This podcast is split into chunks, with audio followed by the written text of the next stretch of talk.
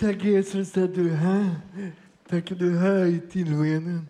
Och tack att du är här när vi nu får dela ditt ord. I Jesu namn. Amen.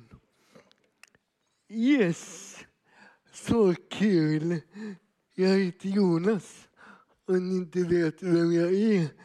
Jag är en ganska, ganska udda, udda fågel. Eh, kan man säga. Ena dagen så skriver jag deckare och andra dagen så predikar jag. Ja. Kan man göra det? Ja, vi får se. Jag ska försöka. Eh, vi är inne i ett tema som vi kallar Lyftblicken. Och Niklas började predika om detta förra söndagen.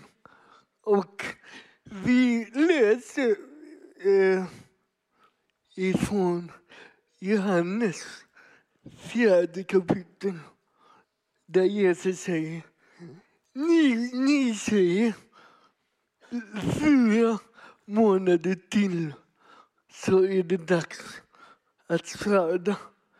Men jag säger är lyftblicken och se hur fälten redan har vinat till svärd. Och detta säger Jesus när han har uppenbarat sig för en samarisk kvinna ute i ingenstans. Eh, och tanken är egentligen att de ska äta lunch. Så att Jesu lärjungar har stuckit och försökt liksom hitta närmaste kebab. Eh, och vad gör Jesus när han väntar? Jo, han testar en kvinna. Och så börjar han tala om Guds rike. Jesus tar alltså tillfället i akt. Han väntar inte på lunch. Utan han bara, nu ska jag eh, ge den här kvinnan ett hopp. Och jag tror att ibland kan vi också säga, amen, inte jag. Inte kan väl jag tjäna Gud. Eller så kanske vi säger, inte nu. Jag ska sen. Sen ska jag tjäna Gud. Men inte nu. Nu är jag lite hungrig. Nu är det lunchdags. Och kanske gäller detta även i manusynkan. Att vi kan tänka, men sen ska Gud göra någonting. Sen blir det bra. Och jag skulle vilja säga till oss, lyft blicken. Gud gör saker just nu.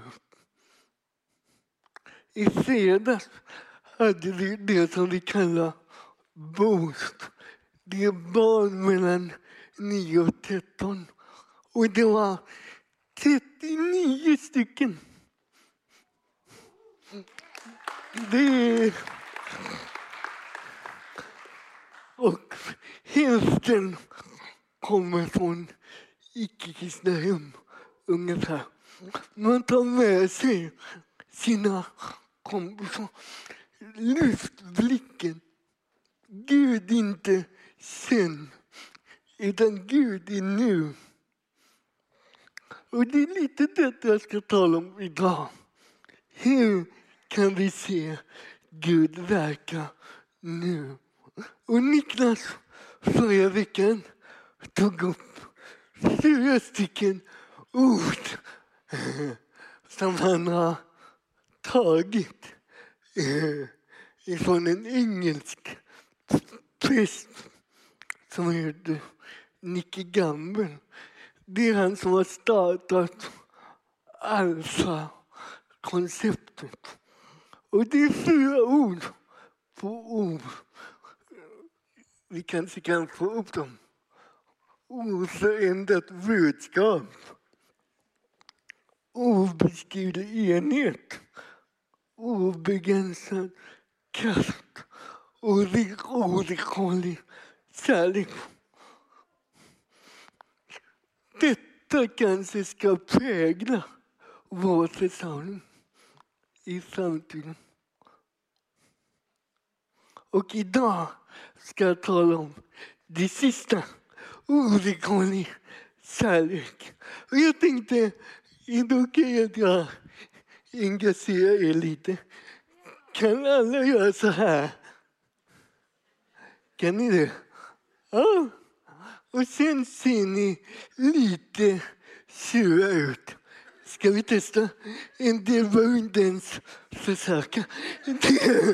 Men det, det tänkte jag inte säga. Men jag, jag har inget filter. Att jag, jag säger det jag tänker.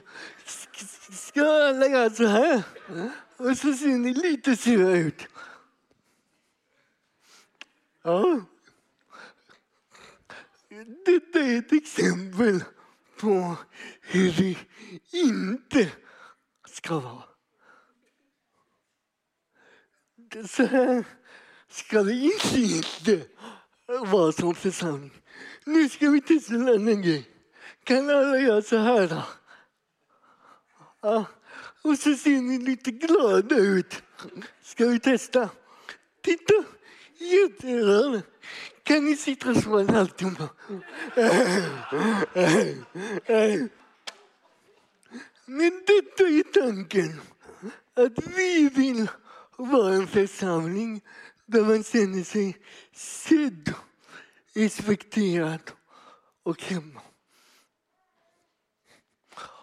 Var du än är på trons resa vill vi att du ska känna sig totalt hemma. Och i Johannes 3 och 16 säger han så älskade Gud världen att han utgav sin enfödde son för att var och en som tror på honom inte ska gå förlorad utan ha evigt liv. Så älskade Gud världen. Att var och en, hur många är det? Alla, exakt. Gud älskar all, alla. Äh, jag vill inte mig. Jo, just det. Nej, men du vet inte vad jag gjorde i veckan. Det vet Gud.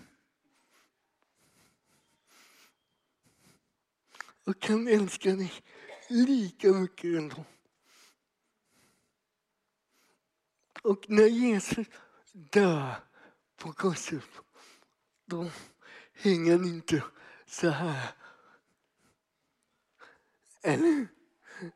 Det hade varit lite knepigt att svika så här. Han hänger så här. Som ett tecken att hans famn alltid för evigt är upp. Nu ska vi läsa kanske Bibelns mest kända liknelse i Lukas 15. Och jag har bett Micke Svensson att läsa. Varsågod.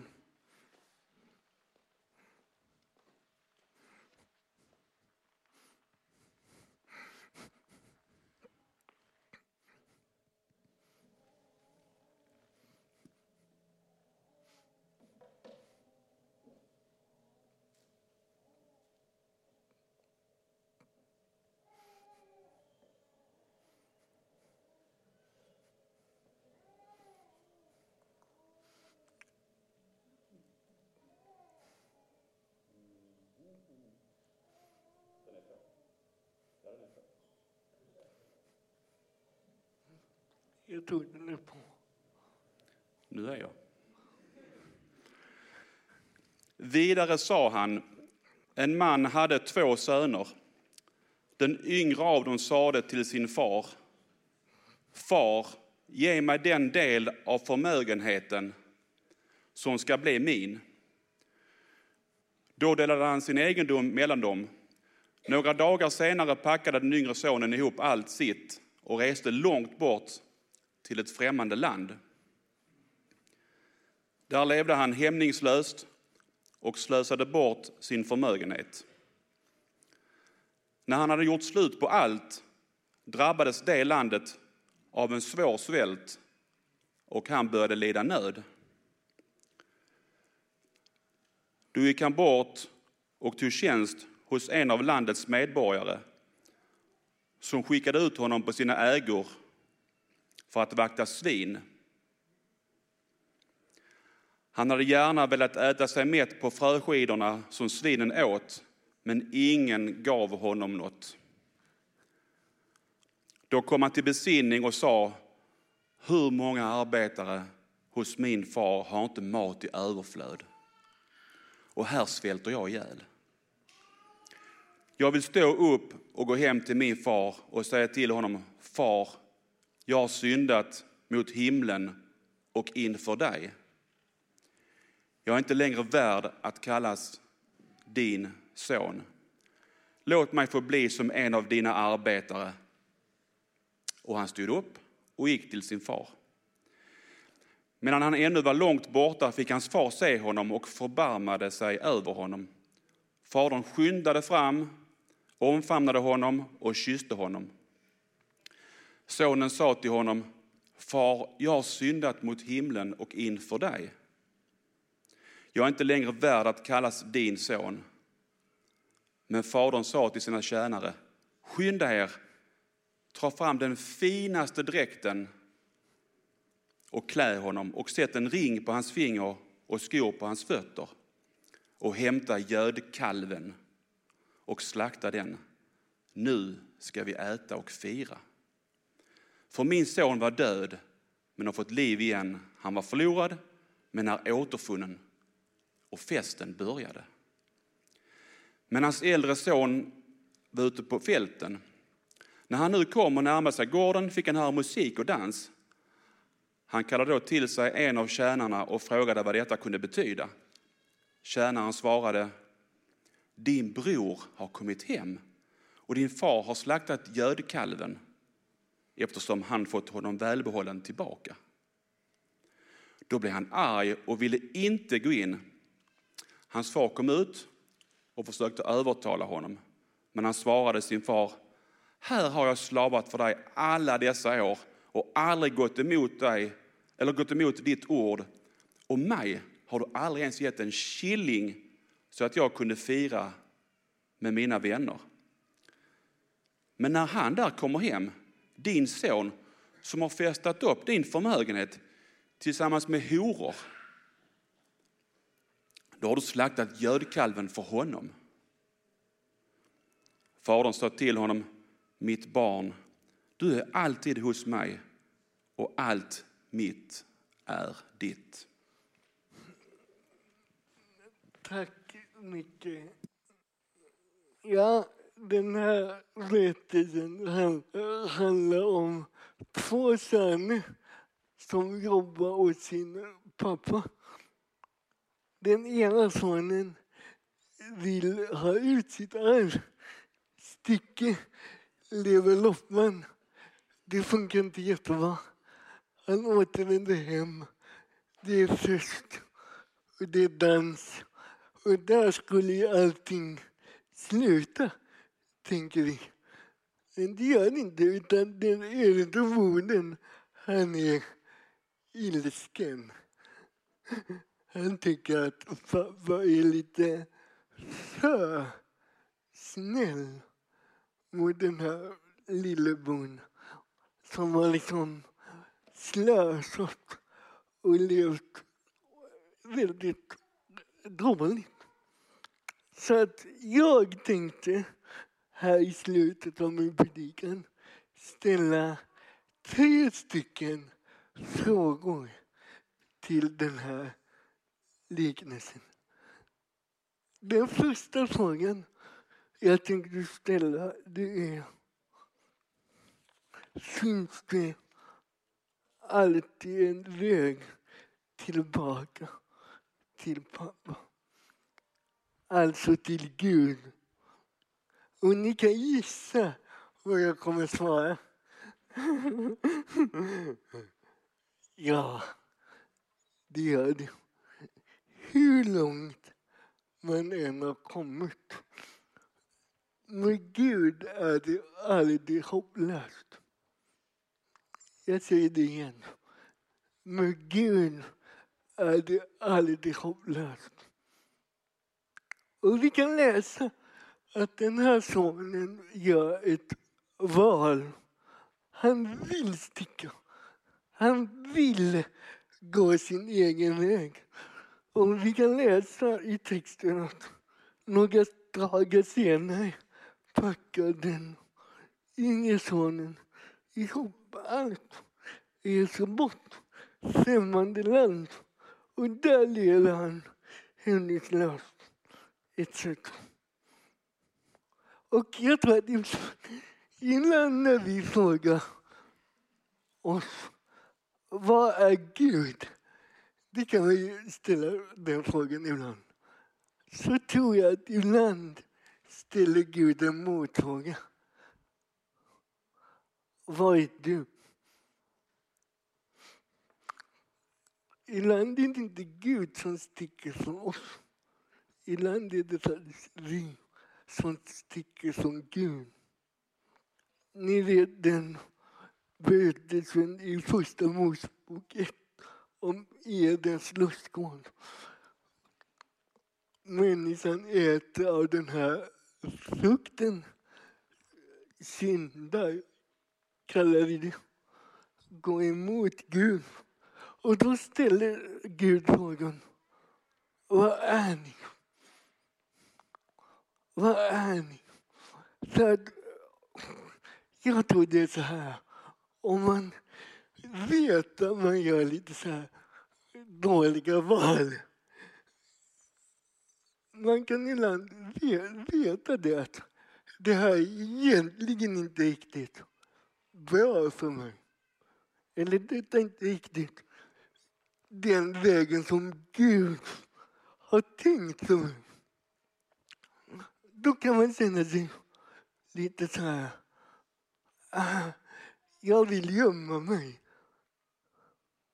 Jag vill sticka långt bort. Vi läste att ett främmande land, långt bort. Varför skriver, varför skriver, varför skriver han så här? Jo, jag tror att ofta så vill vi sticka. Och kapa banden byta sammanhang. Vi vill inte träffa någon som kan ställa de där jobbiga frågorna. Utan vi sticker. Men det slutar inte där. Utan det slutar att det blir också en svält. Och det kan inte han hjälpa. Så att här kan vi se, här kan vi se att både våra egna beslut och dåliga omständigheter kan föra oss långt bort ifrån Gud. Och snart befinner han sig på botten. Det står att han vaktar grisar. Jag vet inte riktigt hur man gör det. Gör man det idag? Jag vet inte. Men han vaktar i alla fall grisar och längtar till och med efter att äta grismat.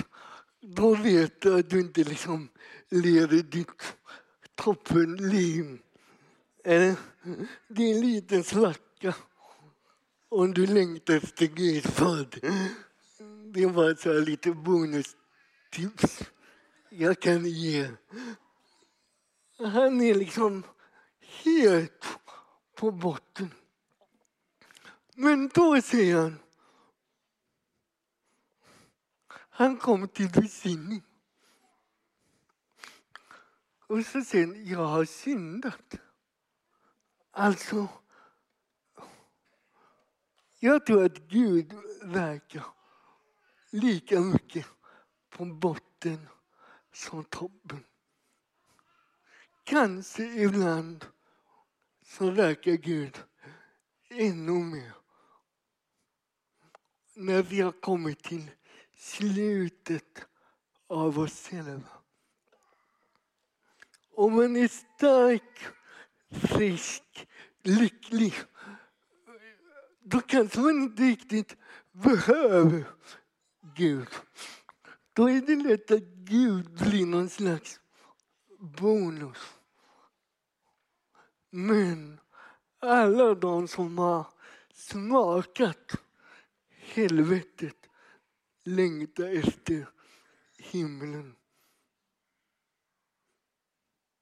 Så att han är längst ner, slutet av sig själv.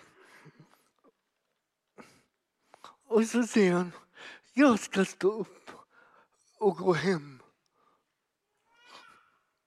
Och ibland kanske vi behöver ta den här resan. Även om den är jättetuff. och Jag skulle inte önska den för någon.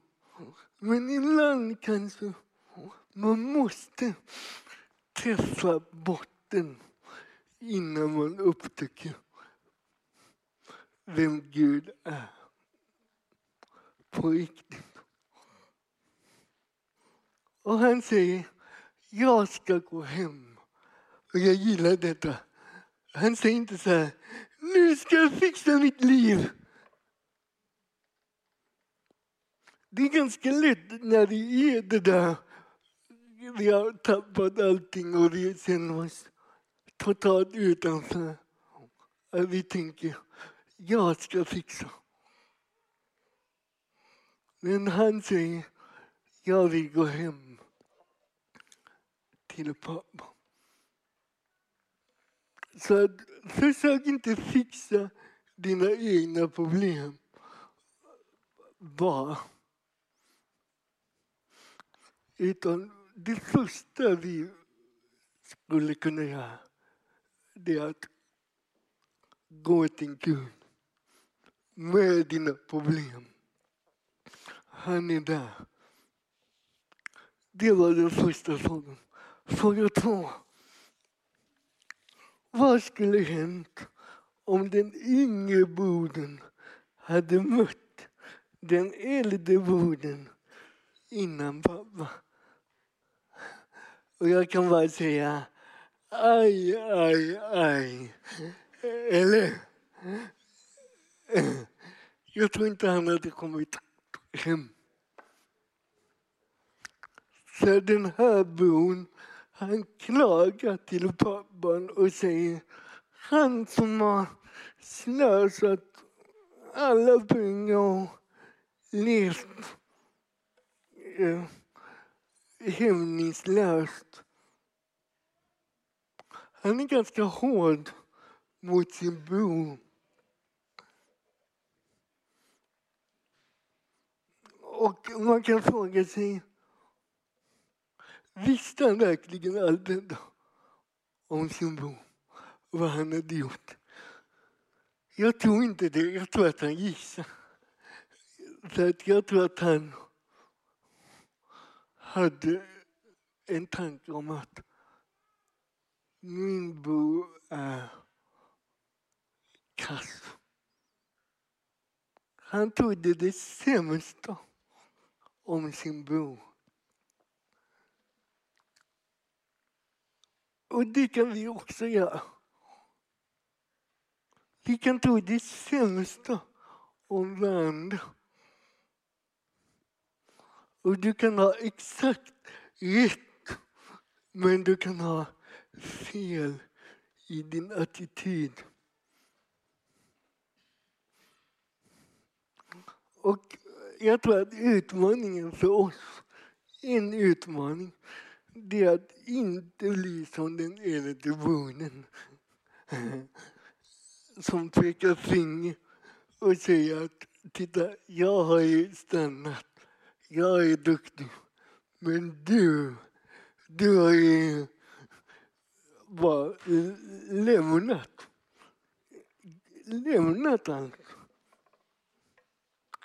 Och den äldre brodern tror jag är två grejer som han gör lite fel. Och den ena grejen är att han är hemmablind. Han ser inte riktigt vad han har. Han är hemma. Och i slutet av liknelsen så säger pappan allt ditt är mitt. Men det är som att han bara lever på. Och det kan vi också göra i vårt kristna liv. Vi kan bara leva på, komma till söndagar. Och det är jättebra att du kommer till söndagar. Det ska du fortsätta med. Men vi kan bli lite så här hemmablinda. Tänk att Jesus Kristus har frälst mig. Det är ganska stort. Och den här äldrebon, han tar det lite för givet. Den andra grejen han gör, det är att han inte verkar så glad när Gud verkar i andra människor. Och här är också en liten så här varningssignal att vi borde vara jätteglada när andra får möta Gud. Även om det kanske inte är exakt som vi vill att de ska möta Gud. Att vara glad över andra. Den sista frågan det är vem är den egentliga huvudpersonen i berättelsen? Och vi kallar ju den där historien Den förlorade svanen. Jag skulle egentligen vilja säga att ett vettigt namn är den kärleksfulla pappan.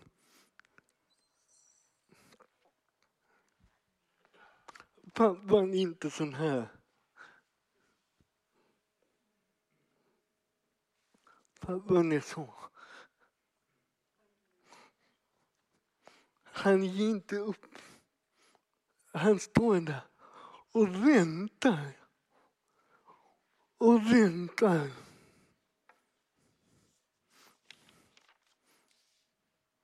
Och genom hela Lukas evangeliet som denna liknelsen står i så kan vi se att Jesus möter jättemånga människor. Men det var ett litet problem. Han möter fel människor. Har du tänkt på det? Jag kan ta en lista på människor han träffar. Icke-judar, människor med svedälska, fattiga, änkor, sjuka, tulltjänstemän, syndare. Grattis! Välkommen till Lukas evangelium. Kan vi se ett mönster här? Det är att Gud genom Jesus söker upp människor som är totalt utanför.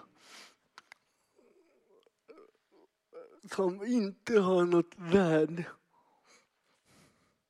Gud utmanar oss genom Jesus att se varje människa som viktig, unik, som Gud har skapat. Och den finaste versen i hela liknelsen tycker jag är denna. Medan han, alltså sonen, var långt borta fick han far se honom och förbarmade sig över honom. Gud syndade fram. Det är egentligen på grekiska, det vet säkert Linnea, så betyder det att han sprang. Det är det enda stället i hela Bibeln där det sägs att Gud springer. Gud springer. Han kan inte liksom stå stilla. Han bara måste, jag måste. Jag måste springa. För det är min älskade son som har kommit tillbaka. Och nu är det fest. Och nu är det dans. Och nu är det halleluja. Så jag vill sluta med detta. Det som Paulus säger om kärleken. Så här skriver han i första Korinthierbrevet. Allt börden. Allt troden, Allt hoppasten. Och allt uthärdanden. Oavsett om vi har ställt till det och stuckit eller om vi litar lite för mycket på vår egen duktighet så finns det en lösning. Det är möt Guds ovillkorliga kärlek. Låt oss be.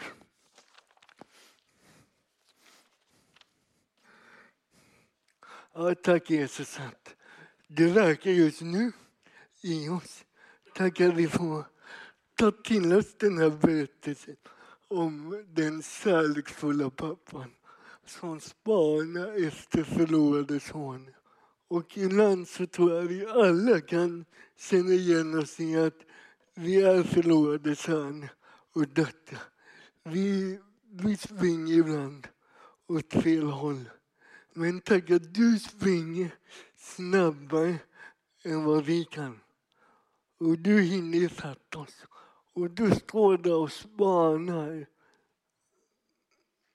För du älskar oss så mycket.